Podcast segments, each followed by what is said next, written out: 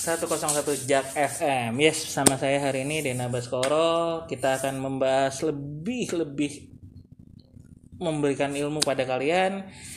Kemarin gue ngebahas kokokan pundakmu dalam meraih sukses dari part 1 sampai part 4. Hari ini gue akan bikin part 5. Gue akan kedatangan tamu yang namanya Ibu Trimulyani. Beliau memiliki top of the line-nya di salah satu perusahaan.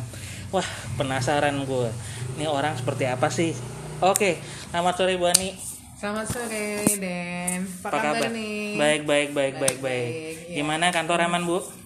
Aman, Alhamdulillah aman. So far yes. aman. kemarin kan kita ngebahas dari part 1 sampai part 4 part Hmm. 1 kita ngebahas dari masa kecilnya ibu dari unyu-unyu sampai sampai zaman SMA nah in the last part 5 aku ingin ngebahas ibu kisah karirnya tuh seperti apa sih? Hmm. Nah, dari yang level staff sampai eh, level height. Oke, Bu.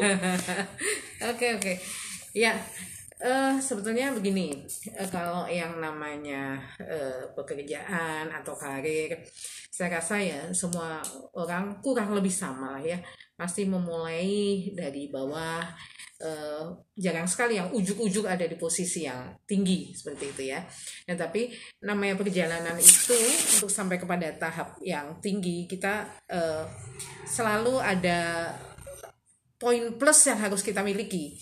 Ada kekuatan, ada ketangguhan gitu ya, ada kerelaan dan banyak hal yang mengantarkan kita kepada posisi yang lebih baik. Nah, jadi kalau saya, saya itu mau mulai setelah lulus kuliah. Setelah lulus kuliah itu eh, ya eh, saya sempat bekerja di eh, konsultan gitu ya. Kemudian eh, tapi waktu itu kerjanya eh, apa namanya? Kita itu perusahaan konsultan apa ya? eh, jadi eh, perusahaan yang eh, memproduksi ini itu ini itu kemudian semua informasi lengkap tentang perusahaan itu seperti apa? Nah dulu tuh saya mulai di sana. Jadi saya memiliki senior yang eh, saya ikut dia ke mana-mana ke klien kita kemudian juga menawarkan ini loh yang kita sediakan dari perusahaan kami itu data-data ini itu ini itu barangkali diperlukan seperti itu. Tetapi pada saat saya menjadi junior pun saat itu saya kok merasa ada hal-hal yang saya tidak terlalu puas dengan senior saya ini. Jadi ada hal-hal yang anak baru lulus begitu ya ba- baru memasuki dunia kerja. Tetapi eh, saya merasa bahwa ah si bapak ini kok begini ya? Harusnya tuh beliau ngomong gini dan sebagainya. Ada ketidakpuasan. Dan suatu saat si bapak itu justru bicara ke saya mbak Ani you kayaknya nggak cocok deh di sini. Beliau berkata begitu you nggak cocok. Saya ngelihat mbak Ani punya potensi. Cobalah cari kerjaan lain yang lebih baik dan lebih menantang. Di sini kayaknya karir itu nggak berkembang.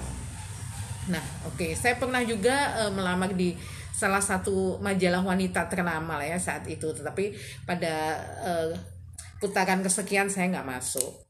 Nah, kemudian eh, ada informasi dari teman. Ini bermula dari informasi teman yang mengatakan bahwa ada satu perusahaan tempat teman dia bekerja. Saat itu eh, posisinya temennya temen saya ini adalah QC dan R&D. Dan waktu itu dia bilang coba deh ini kamu masukin ke sana. Eh, kemudian saya coba masukin gitu ya. Kemudian saya ketemu dengan eh, director sampai tahap sesi wawancara. Saya bertemu dengan eh, director dan saya ditanya eh, kira-kira seperti apa sih kemampuan saya kalau saya harus memimpin. Saya harus memimpin departemen QC (Quality Control) saat itu di mana departemen QC itu baru berdiri selama tiga bulan baru berdiri selama tiga bulan di perusahaan itu dan membutuhkan seseorang yang betul-betul bisa memanage gitu. Nah bayangkan waktu itu saya kan anak baru lulus yang punya pengalaman kerjanya masih menclok sana menclok sini, kemudian saya ditantang untuk menjadi eh, junior manager QC.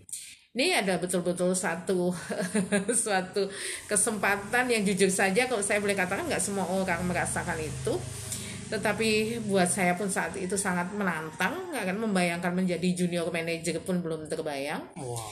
jadi saya diwawancara kemudian saya diajak ke pabrik langsung melihat semua fasilitas semua proses.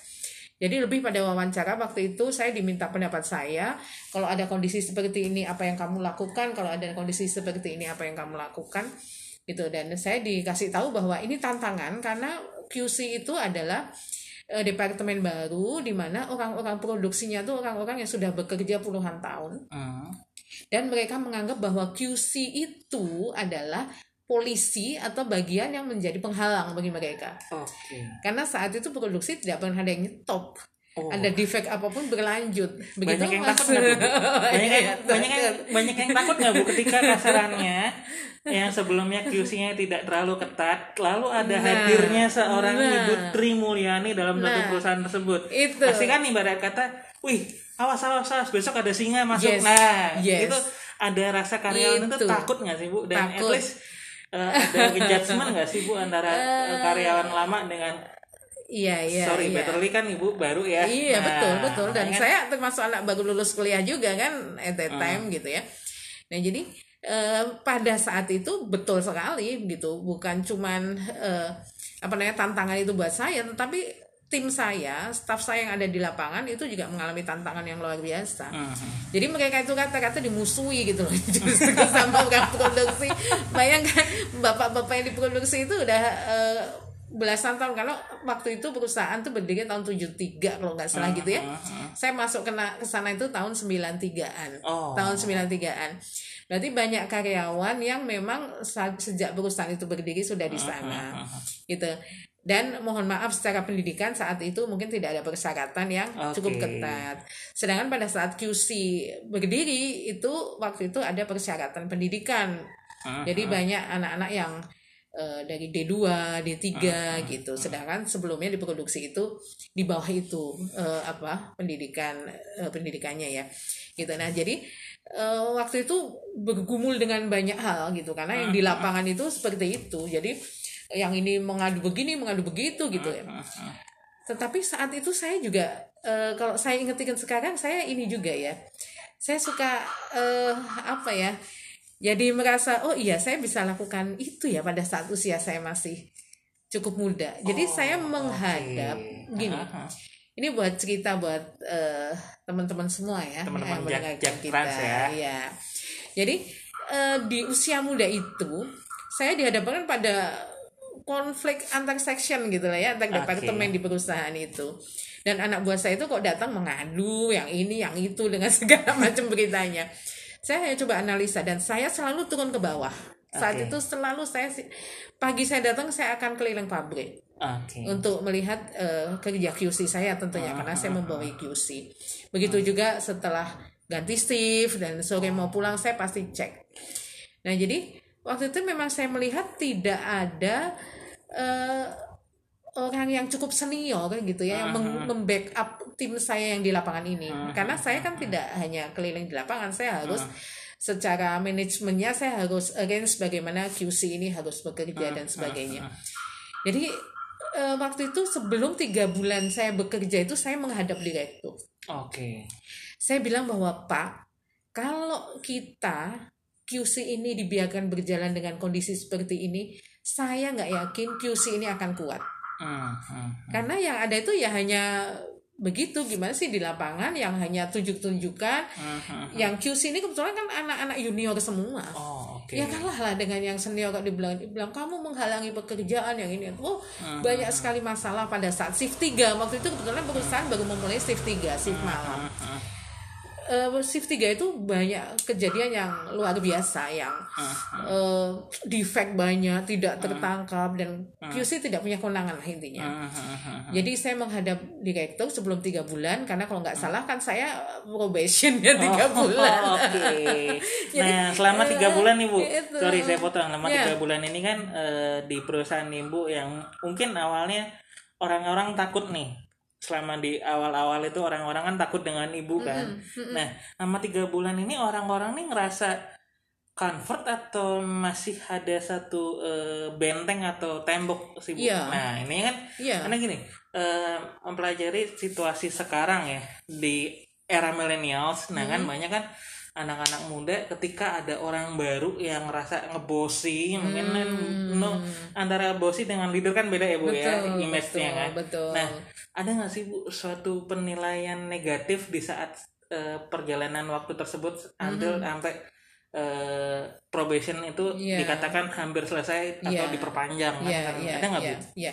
Nah jadi sebenarnya eh, kalau kita lanjutkan lagi bahwa eh, sebetulnya masalahnya bukan bosi nggak bosi ya, tapi fungsi dari departemen ini yang dianggap departemen lain itu mengganggu, mengganggu karena mereka seperti di diawasi Oh, gitu. Jadi oke. sebenarnya lebih kepada fungsi.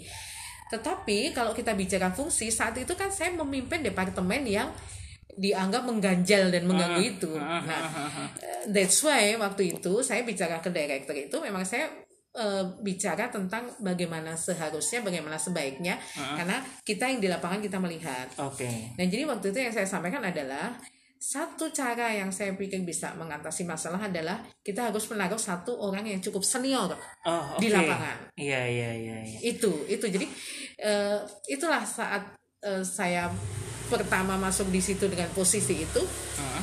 sebelum tiga bulan yang saya sampaikan kepada direktur itu adalah bahwa saya minta backup. Hmm. satu orang yang at least itu levelnya adalah supervisor Oke. untuk di eh, apa menjaga QC yang Hmm, di lapangan. Oh. Dan thanks God alhamdulillahnya waktu itu direktur saya men- eh, apa ya menyetujui oke. usulan saya. Oke nih kita coba dan ternyata itu memang significantly affected gitu ya. Jadi eh, dengan ditaruh seorang supervisor jadi dia tadinya memang orang cukup senior Heeh. di produksi juga gitu ya. Tapi kemudian dia diambil ditaruh di bawah saya dan tugas dia ada di lapangan. Mhm. dan ternyata itu efeknya luar biasa. Oh oke. jadi mereka tuh ada yang selevel di di levelnya yang di lapangan lah ya. Mhm. Nah, jadi itu adalah salah satu eh, tiga bulan saya bekerja eh, sebagai junior manager. Kemudian eh, itu yang saya usulkan itu dilaksanakan dan itu berjalan dengan sangat baik dan eh, posisi QC itu cukup kuat. Oh, Jadi eh, karena waktu itu kami mensuplai eh, barang ke multinational company, ke perusahaan-perusahaan besar di mana saat itu sudah mulai adanya eh, QC itu dengan eh, beberapa eh, sistem QC ya, secara ya sudah berlaku internasional ya saat itu ya. seperti military standard segala macam yang saat itu sudah berjalan dan kami harus mengikuti. Jadi saya fokus lebih ke manajemennya. Di lapangan saya harus ada orang yang bisa membackup saya. Nah jadi itu sebenarnya satu langkah yang kok sa- sampai sekarang saya ingat-ingat. Ya ya waktu itu saya masih cukup muda dan saya berani datang kepada direktur dan mengatakan itu. Karena saya juga memegang R&D, oh saya memegang R&D development gitu ya. Jadi saya banyak berhubungan dengan customer. Ah. Sedangkan saya posisi di QC. pertanyaan saya kedua oke. nih bu aku kan ngelihat sekarang anak muda ketika diberikan tugas banyak kan pasti ngeluh Yes. ah tugas gue makin banyak gaji gue gini-gini aja nah di zaman itu pernah nggak sih ibu kan tadi kan saya mendengar ibu pernah di posisi R&D atau Research and Development. Nah lalu QC. ibu ibu menjabat di posisi QC juga sebagai junior manager. Nah ketika ibu diberikan tanggung jawab dua ini pernah nggak ada rasa ngeluh eh kok gue semua ya? Gue kan anak baru lulus kan kan, kan, kan. nah ketika anak baru lulus contoh saya waktu pas eh, saya baru lulus pun saya megang banyak job desk saat itu eh, saya memang di posisi event nah mungkin ada rasa kok gue semua ya yang megang? Kan ngasarannya eh, gue masih junior staff. At Ya. least ada di atas gue eh, event koordinator. Betul. nah nah makanya pernah nggak sih bu? Saya kan ngerasa ibu ini kan agak slow moving tapi pasti gitu ya nah ini kan itu bu eh ya, ini sebenarnya kalau kita mau cerita detailnya, mudah-mudahan nanti akan ada sesi-sesi khusus yang membahas secara detail gitu ya hal-hal Oke. yang lebih menarik. Tetapi memang betul sekali bahwa salah satu yang menjadikan kita kuat dan maju dengan tegap itu sebenarnya justru hal-hal yang seperti itu. Hal yang tidak banyak dilakukan oleh orang Hmm. Atau bisa dikatakan begini tidak banyak orang yang mau melakukan lebih yes dari job desk dia orang tidak tahu bahwa sebetulnya lebihannya itu adalah bonus. Bonusnya kita- gaji atau bukan nih? gaji itu itu hal yang oke lah itu itu itu apa ya eh, relatif lah ya Wih. tetapi kok buat saya justru bonus Sombong amat. sombong amat apa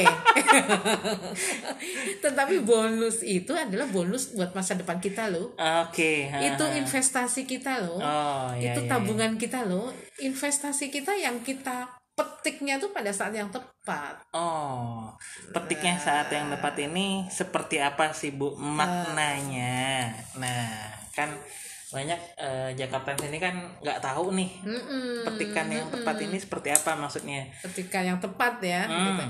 Nah jadi sebetulnya seperti juga kita berinvestasi atau seperti juga kita eh, apa namanya orang menabung saja. Kalau kita ikutan tabungan berjangka kita nggak kerasa kan gitu. Hmm. Kita simpan simpan tak tahu pada saat yang tepat kita kembali oh ternyata lumayan juga ya deposito saya kan gitu kan. Aduh, Nah, sombong amat. iya dong uang apa nah, nah kalau ini kalau ini tuh eh, banyak ya bentuknya ya Hmm. seperti tadi saya bilang nih contohnya begini kan saya waktu itu di QC dan R&D Hmm, sebetulnya saya banyak harusnya tuh saya lebih berkutat di dalam hmm, tetapi beberapa komplain customer atau adanya reject ada apa kan itu seharusnya ada sales saat itu yang juga Hmm. harus menghandle di awal Hmm. baru kemudian tergantung polisi perusahaan eh, QC itu akan gabung atau tidak gitu Iya. tetapi pada saat itu banyak kondisi di mana justru sales itu langsung melempar ke QC hmm. jadi waktu itu sebagai ya anak baru lulus baru mulai kerja tetapi kok iya dilalahnya saya punya posisi yang lumayan karena saat itu kan otomatis saya yang membawai QC Iya, iya, departemen. iya.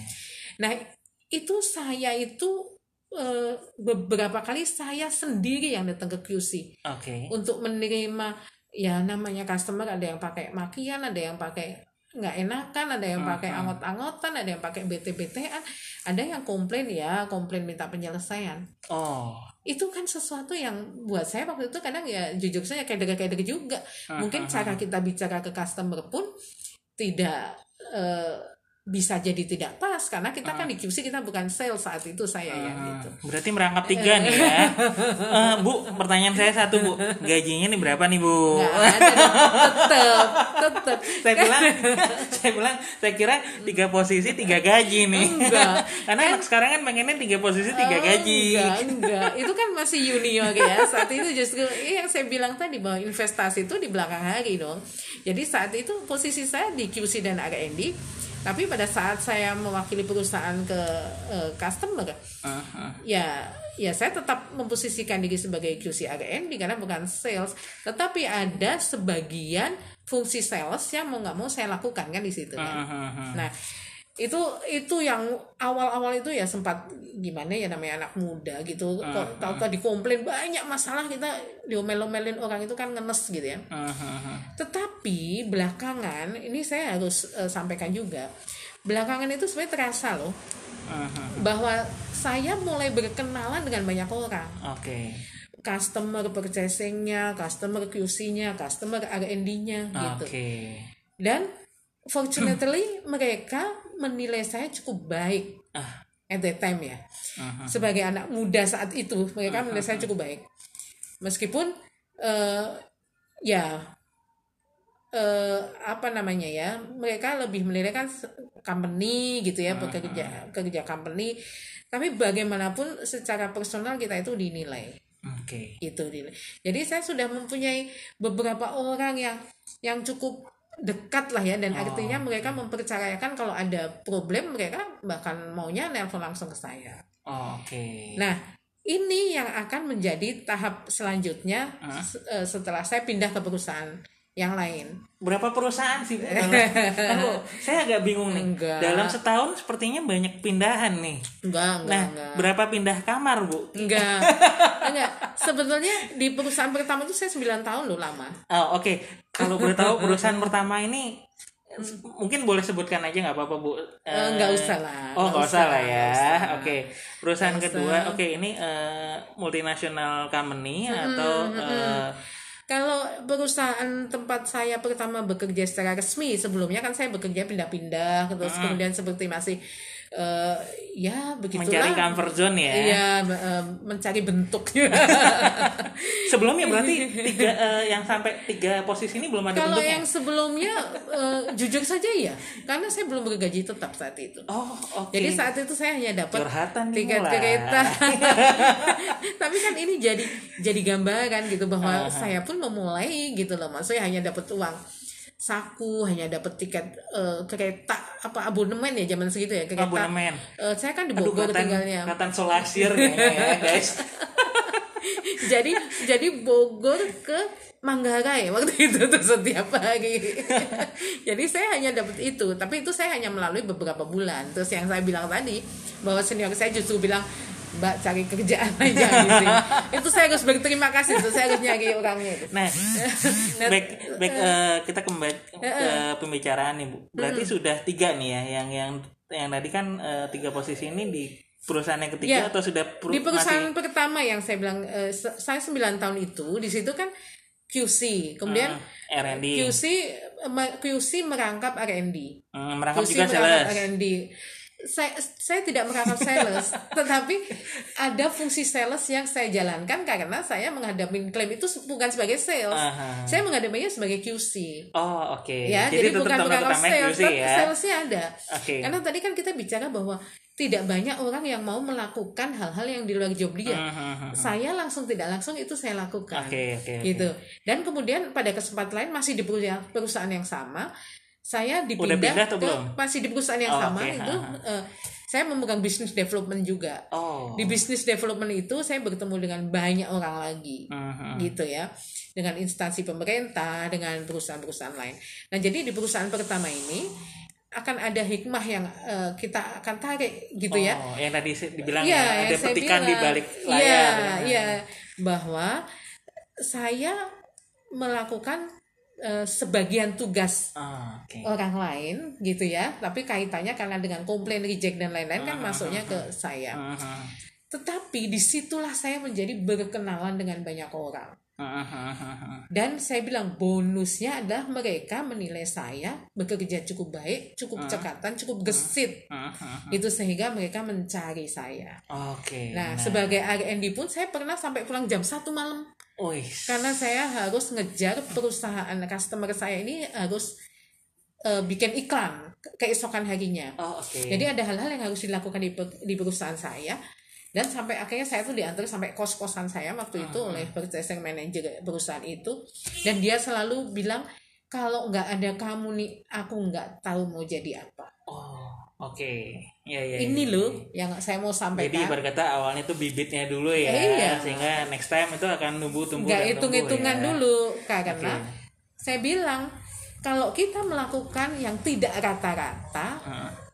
itu satu poin kalau orang semua rata-rata ya semua akan jadi rata-rata Yes, tuh. tetapi saya melakukan yang orang lain mungkin tidak mau ngapain sih bukan kerjaan lo Mhm. oh nggak apa-apa saya masih belajar saya nggak ada hitungannya dengan gaji Den Oke. saat itu tapi yang saya bilang tadi ya kan investasi Iya, iya. Berarti itu sudah eh, perjalanan menuju perusahaan kedua ya. Yes, Nah, yes. oke.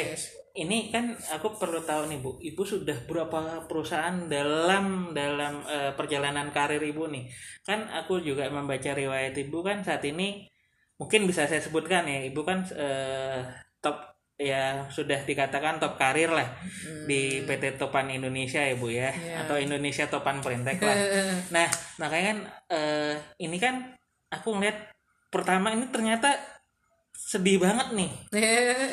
Per- perjuangannya penuh sakit banget. Nah, sampai sakitnya tuh di sini di hati kayaknya. Aduh, lebay, lebay. Oke, yang yang eh, kan yang kedua sudah ya Bu tadi ya. Aku mau tahu nih Bu, sampai kasarannya eh, di tengah-tengah Ibu bisa masuk ke PT Indonesia Topan Perintek ini gimana ceritanya Bu? Bisa sampai kok Ibu bisa masuk ke sana dan ya, at least sekarang Ibu sudah di top level kan kasarannya kita enggak top aku ngebahasnya top level lah enggak ya. Beda lah dengan saya lah. enggak, enggak. Nah, gini, eh, kadang tuh kita dihadapkan pada satu kondisi di mana membuat kita kecewa. Heeh. Iya kan? Meskipun saya pernah dengar se- seorang motivator itu bicara bahwa eh, cacing pun kok diinjak menggeliat gitu ya ibaratnya. Ah, ah, ah. ada satu kondisi di mana saya merasa betul-betul eh, tidak nyaman. Dan saya secara personal tuh saya punya target ternyata diri saya ini bahwa sebelum usia saya 35 saya sudah harus bla bla bla bla bla bla bla bla bla begitu. Oke. Nah saat itu perusahaan saya juga terkena demo. Perusahaan pertama itu ada banyak ketidakpuasan terhadap manajemen dan khususnya lebih pada top manajemennya lah ya gitu. Heeh. Dan saya melihat memang ada cara-cara yang saya pikir wah ini eh, apa ya tidak tidak tidak pas lah ya cara penanganannya semua dan itu akan berakibatnya parah sekali gitu. Jadi saya merasa perusahaan memang tidak terhandle dengan baik gitu. Dan pada saat itu saya pun tidak bisa banyak berbuat memang eh, ya di level-level manajemen tapi kan di di middle dia banyak senior di atas saya masih dan saya secara personal saya juga punya target kamu mau di sini terus atau mau apa Oh, oke. Gitu. Dan kata kebetulan- harus punya goals. betul goals betul life kita punya ya. target hidup dan waktu itu justru ada dari headquarter itu sempat bilang ke saya mbak Ani you jangan di sini deh Hmm, oke. itu Diusir secara jadi saya diusir lagi kayak yang pertama saya alamin Oh, oke. Itu ini di orang perusahaan dari ke- pusat Di perusahaan kedua atau ketiga? di perusahaan itu tadi perusahaan yang pertama saya mau ke yang kedua itu Oh, oke. kan tadi dibilang saya ada tidak nyaman makanya Ah. waktu itu mulai mulai menggeliat gitu Goncang kan ya. goncang terus ada eh, top manajemen dari kantor pusat itu justru bilang mbak Ani sayang nih di sini ini sepertinya tidak akan berkembang Ah, oke. oke dan terus waktu itu ini saya tidak bahas di sini ada fitnah terhadap saya Ah. yang sangat menyakitkan Iya, iya, iya. dan belakangan hari fitnah itu tidak terbukti dan orang yang memfitnah saya em, minta maaf dan minta saya untuk melupakan dan mengabaikan fitnah itu. Oh, oke. Tetapi dengan fitnah itu Tuhan sudah atur saya supaya saya melirik perusahaan lain. Oh, iya, iya. Saya tuh tidak pernah berminat untuk pindah karena berarti saya pikir berarti saya prinsip mau ibu kasarannya gini ya kan beda ya dengan prinsip eh, anak zaman now ya kan Ya. kasarannya mungkin saya saya sendiri juga anak zaman now kan kasarannya walaupun Now and forever. eh, ya sih udah saya tuh masuk masuk now atau atau udah udah agak sedikit tua ya Boleh lah milih aja lah sama temen boleh atur. Nah, makanya aku mik- eh, aku sendiri alamin ngasarannya ketika sudah tidak nyaman, Mm-hmm.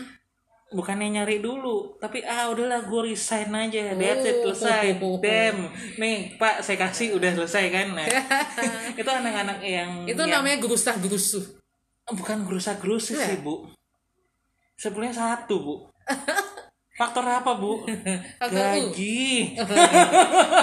loh nah itu itu nggak apa-apa itu jadi satu satu faktor it's okay gitu loh karena pasti ada satu penyebab untuk kita mencari yang lebih baik itu Iya, iya. it's fine gitu loh tapi kok buat saya kita jangan gegabah juga gitu kalau kecuali memang tidak butuh uang kalau saya jujur saja saya butuh uang Uduh.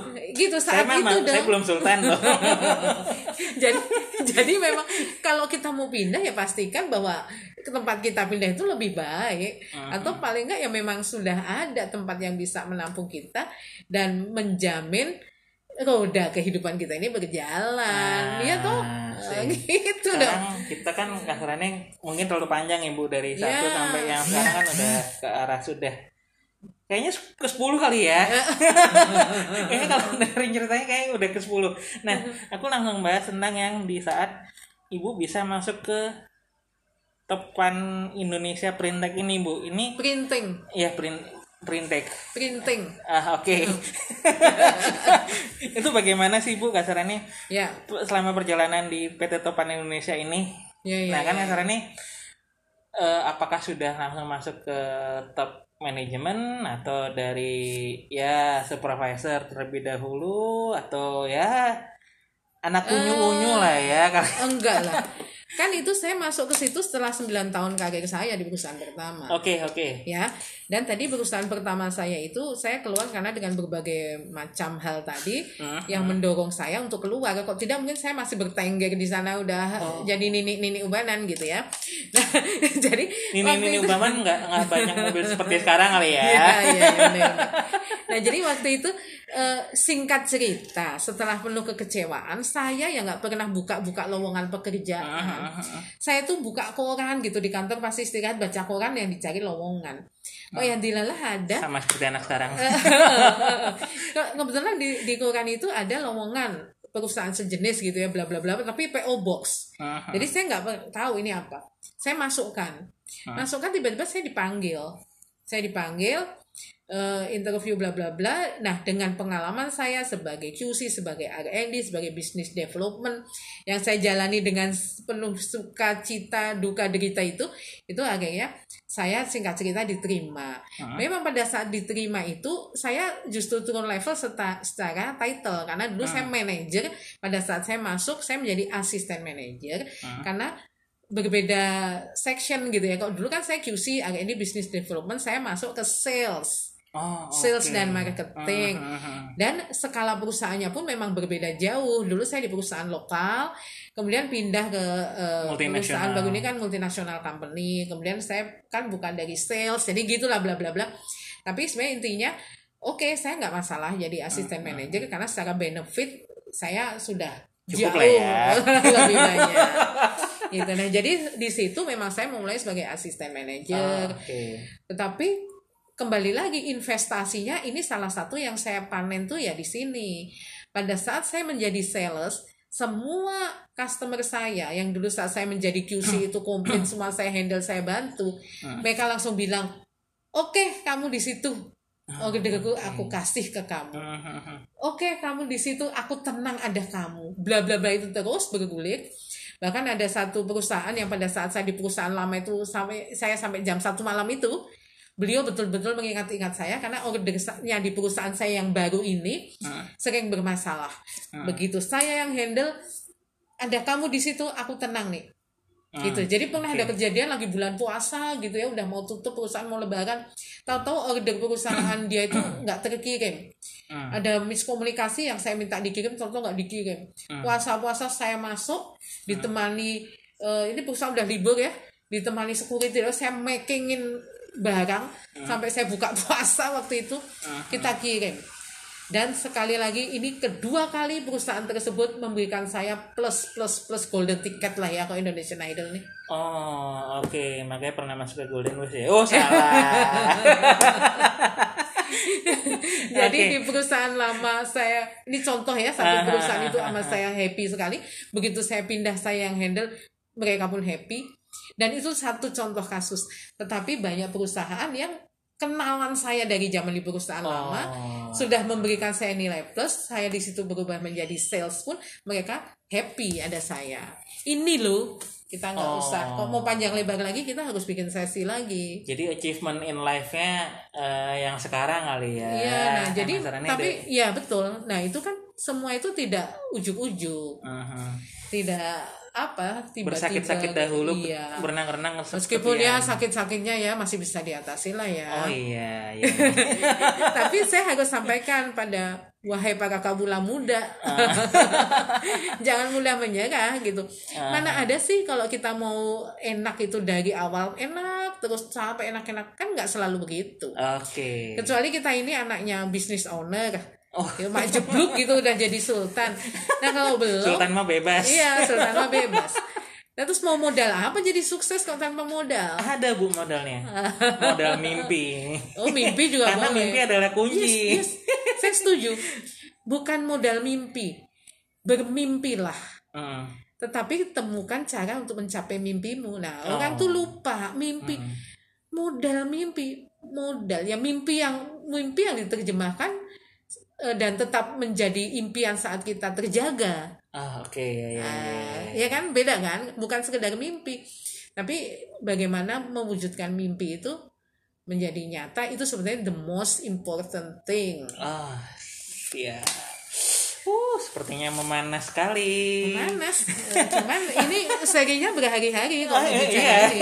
Bisa panjang. Nah, bisa. bisa bisa dua hari sampai lima hari kali ya.